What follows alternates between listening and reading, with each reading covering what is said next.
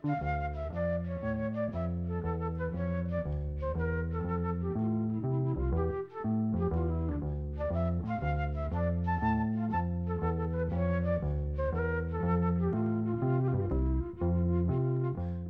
sæl. Við tínum fram nokkra smáskjöfur frá árinu 1970 og heyrum lög sem að nutum vinsalda það ár. Mörg þessara laga ættu að hljóma kunnulega og sum hver heyrast öðru kóru á öldun ljósakans en önnur eru mjög sjaldanspiluð. Byrjum á lægi sem að tónlistamæðurinn og grínistinn Ray Stevens sendi frá sér sumari 1970. Ray Stevens var þekktur fyrir grínsöng og alls konar sprell en það vildi svo merkilega til að þetta sömar senda frá sér lag á alvarlegum nótum. Lag þar sem að mannkærleikur er í fyrirrumi. Lagið heitir Everything is Beautiful og hefst á því að tvær dætur hans og skólafélaga þeirra úr Oak Hill grunnskólunum syngja sálminn Jesus Loves the Little Children.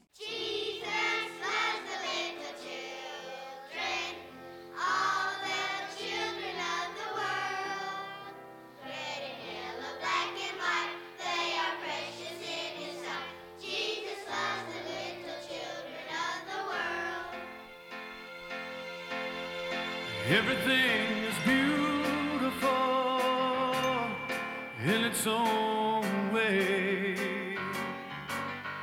Like a starry summer night or a snow covered winter's day. And everybody's beautiful in their own way. Under God's heaven,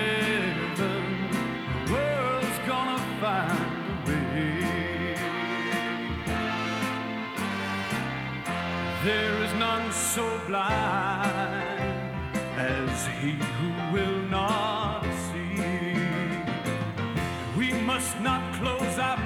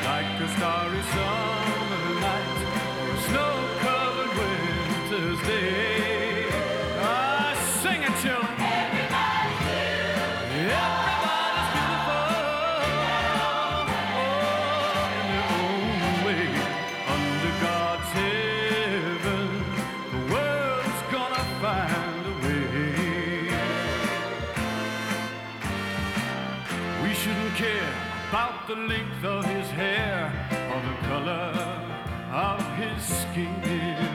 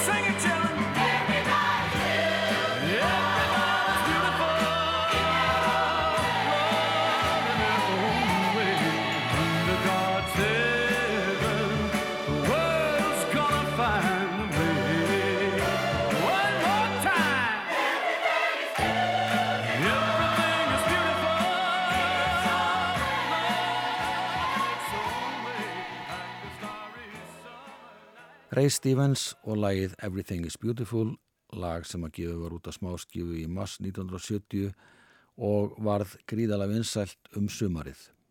Þetta lag fór í efstasæti og Ray Stevens hlaut tvenn græmivelun annars vegar fyrir besta söngin og hins vegar var þetta lag valið besta lagið með trúalega tengingu.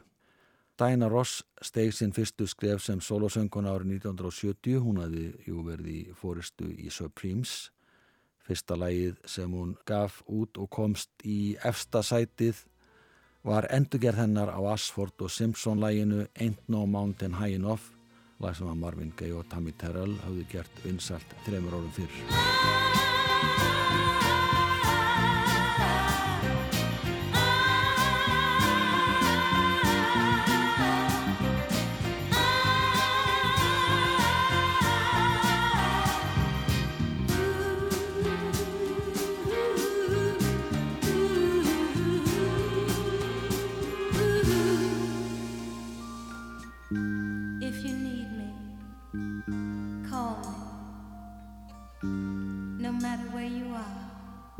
no matter how far.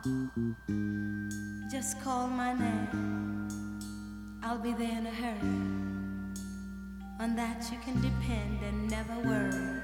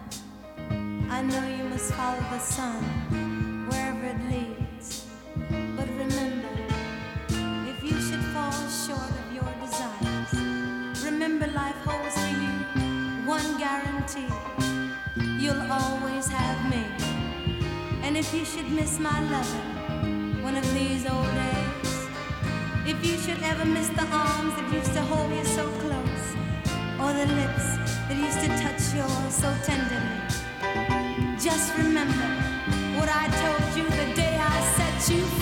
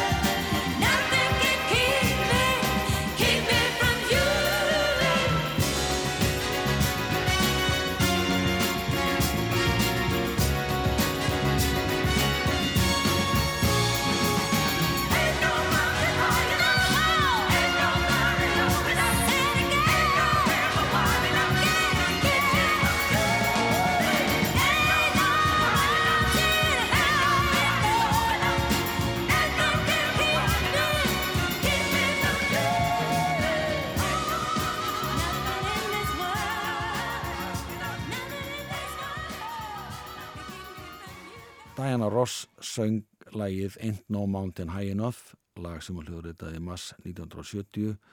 Það kom út að smáskifu í júli, mánuði eftir að Stóraplatan kom út. Það voru útastöðar viðan bandaríkinn sem fór að spila lægið. Þetta var ekki fyrsta smáskifulægið af plötinu þar sem að forstjóri útgána Berry Gordy taldi annar lag vera betra en útastöðunum fannst þetta lag vera það sem ætti að hljóma mest þannig að þær stjórnuðu ferðin í raun og veru. Berry Gordy, fórstyrju mótanútgána, var merkilegu maður. Hann stopnaði fyrirtækið með það í huga að leggja áherslu á tónlist með svörtu listafólki og það var aðalega frá heimaborg sinni Detroit. Þetta gekk mjög vel. Mótán var einstök útgáfa þar sem að forgangsadriðin voru algjörlega skýr. Árið 1969 ákvað Berry Gordy að breyta aðeins um. Hann gerði samningu nokkra kvítalistamenn, stopnaði fyrirtæki sem að kalla Rare Earth og gaf meðal annars út plötu með samlindri hljómsett. Lægið heitir Get Ready, erfti Smokey Robinson og það eru Rare Earth félagar sem tólka lægið sem að hitti í mark fór í fjörðasæti bandarska smáskjúlistans.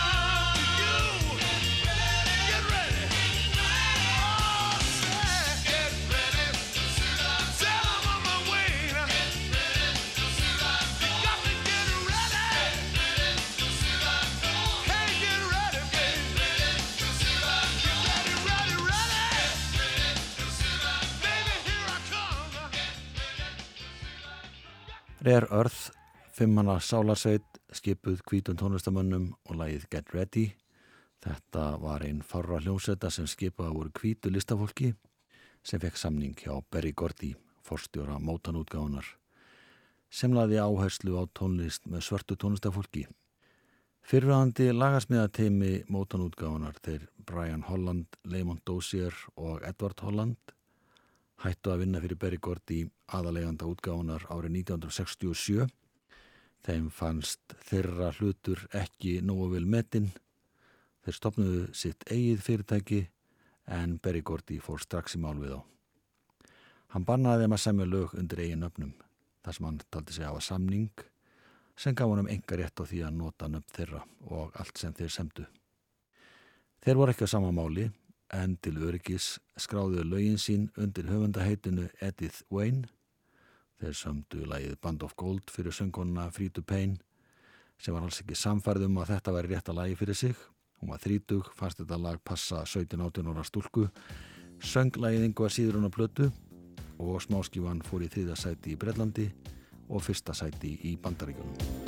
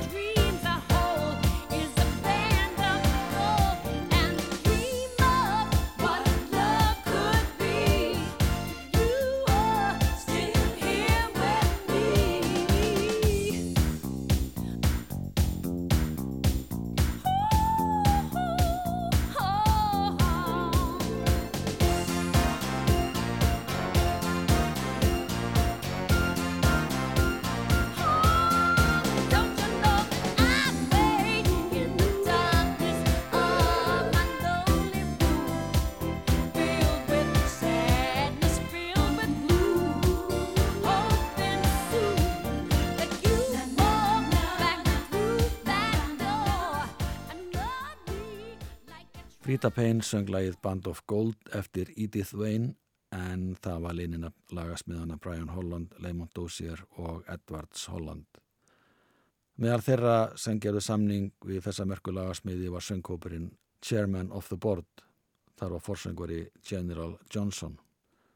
Þeir hljóruðuðu lag sem heitir Give Me Just a Little More Time og þeir sem önnust hljóðfarleiki þessu lagi hafðu starfað í hljómsveitinu Funk Brothers en Funk Brothers var einmitt húsljómsveit hjá mótanútgáðinni þannig að það voru fleiri heldur en Leymond Dozier og Holland Brothers sem að yfirgáða mótan á þessum tíma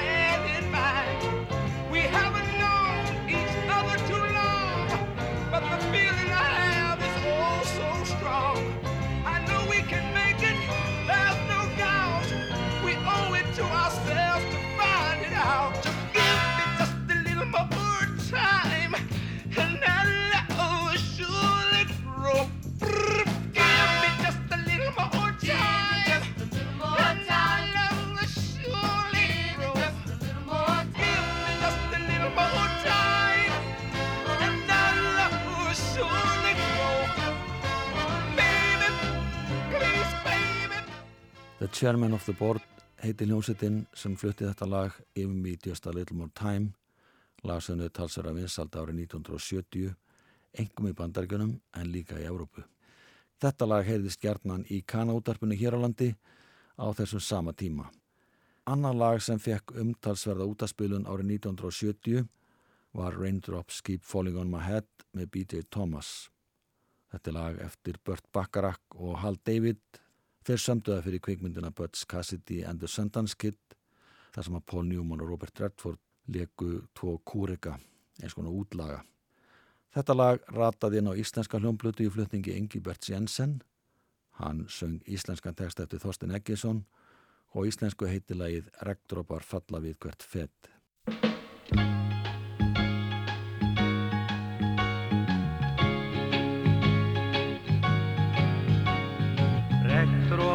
Regndrópar falla við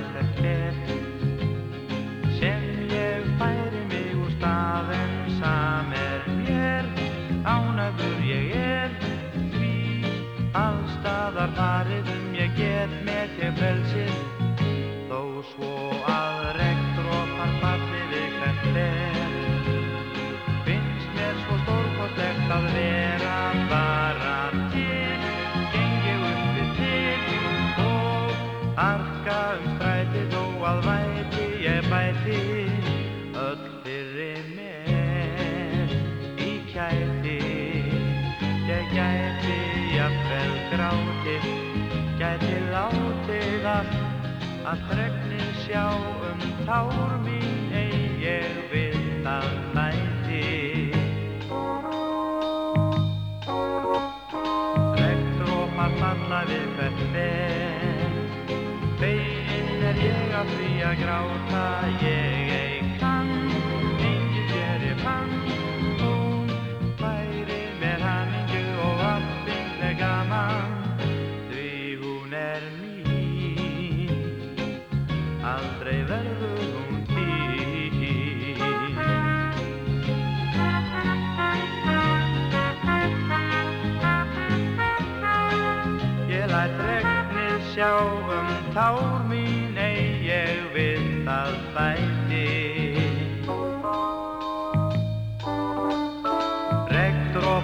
Falla við hverfi Feginn er ég að því að gráta ég ei kann Engil mér ég fann. Hún færir mér hamingju og allt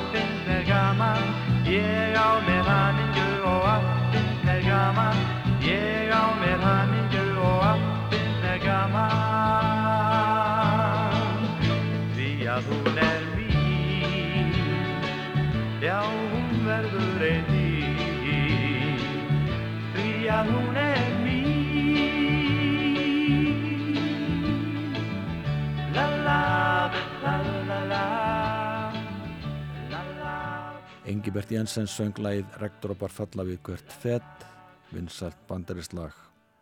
Á þessum tíma var hægt að kaupa undispil vinsalla laga frá ellendum hljóðverum og það var einmitt gert í þessu tilfelli. Ellendir tónlistamenn spiluðu, Engibert söng, söngurinn var tekin upp í hljóðveri ríkjusútasins að skúlagötu fjögur og svo var allir splæst saman. Annar lag sem naut vinsalda var Me Not To Come, lag sem að Randy Newman samti árið 1967. Tekstan samtan eftir að hafa farið í partí í heimaborg sinni Los Angeles. Erik Burton, söngvari Animals, heyrði þetta lag og hljóðritaði það árið 1967 það átti að koma út á solopötu hans en endaði síðan á plötu með Animals.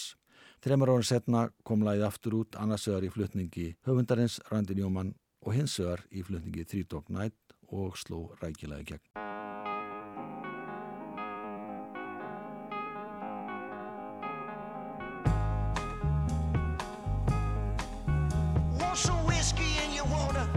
Sugar in your tea? What's all this crazy question they're asking me? This is the craziest party that could ever be.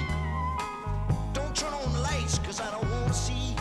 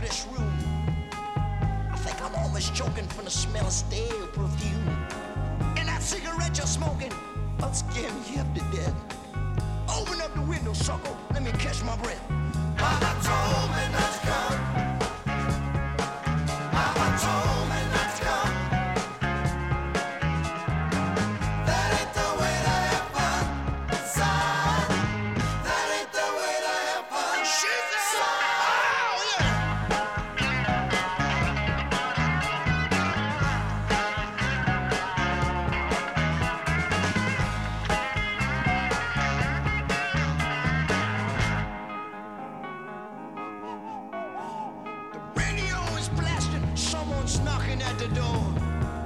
I'm looking at my girlfriend. She passed out on the floor. I've seen so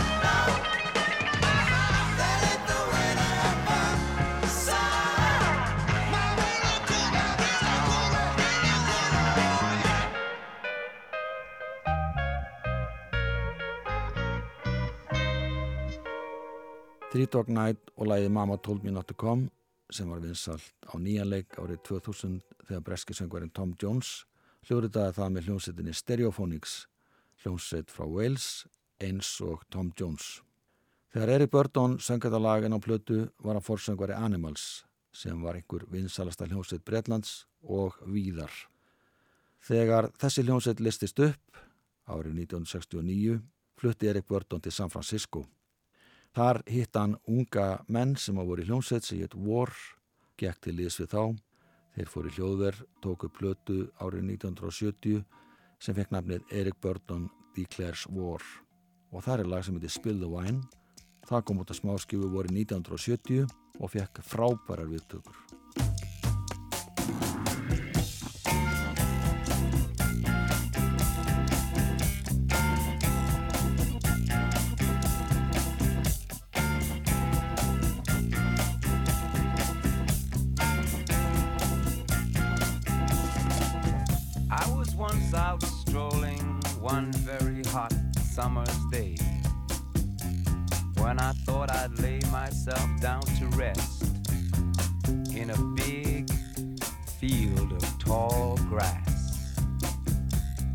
I lay there in the sun and felt it caressing my face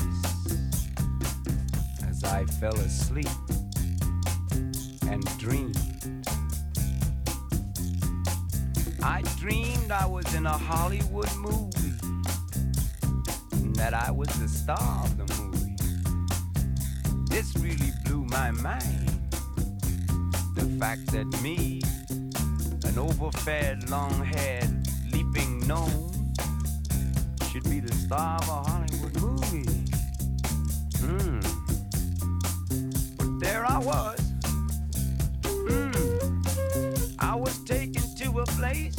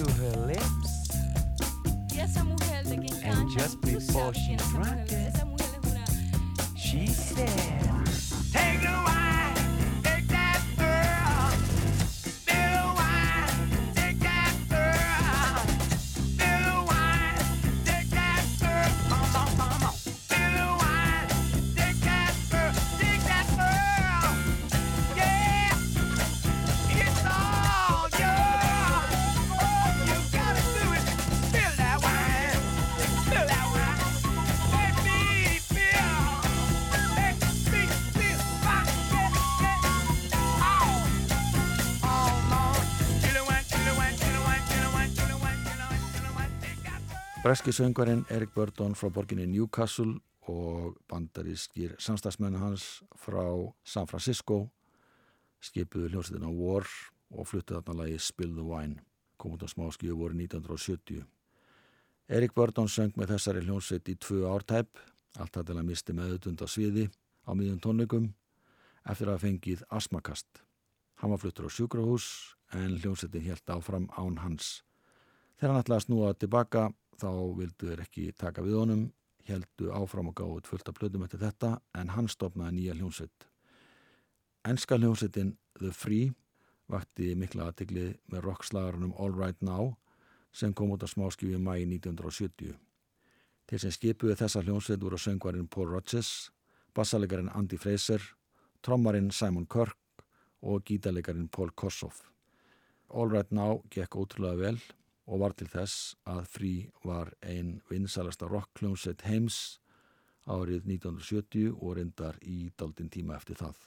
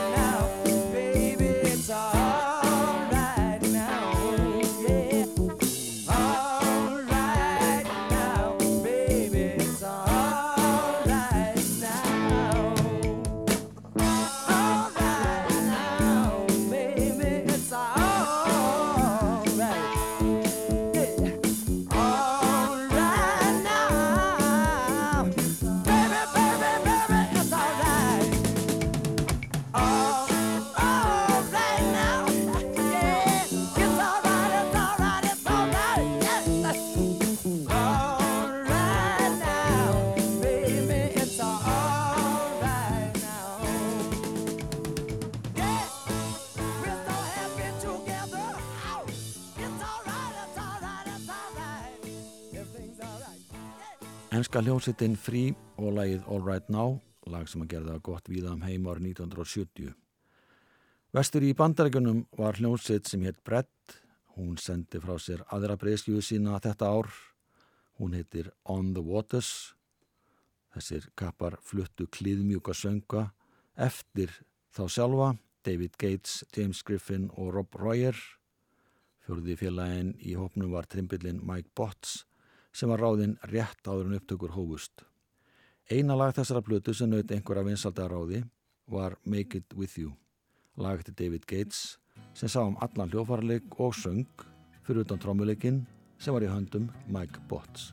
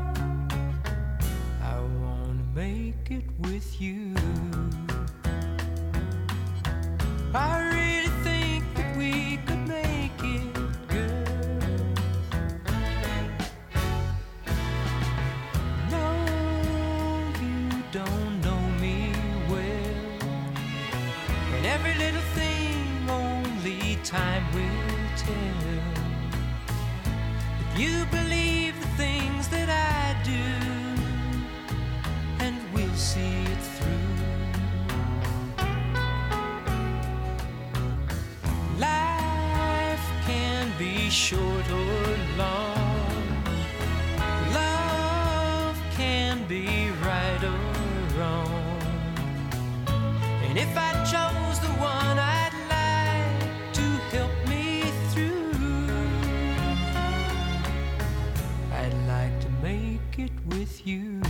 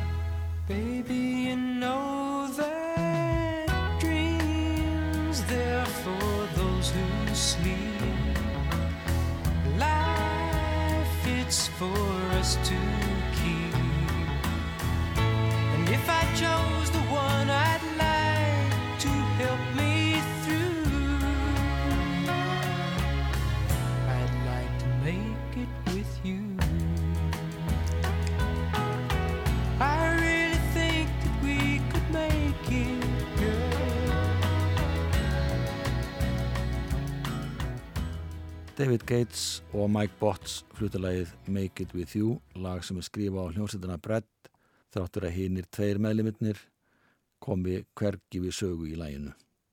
Fræðasól Brett reis hæst með þessu lagi, en sveitin var ekki langlýf.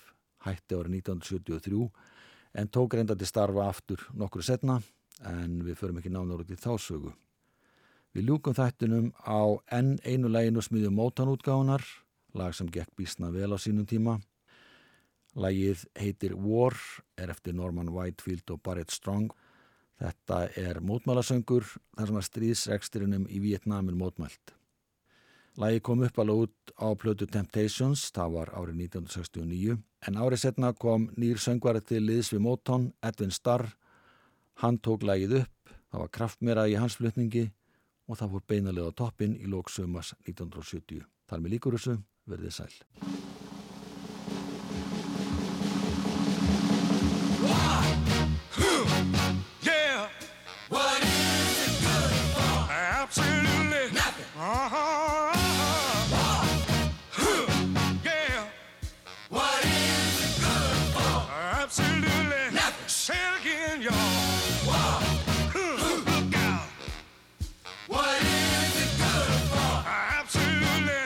To me.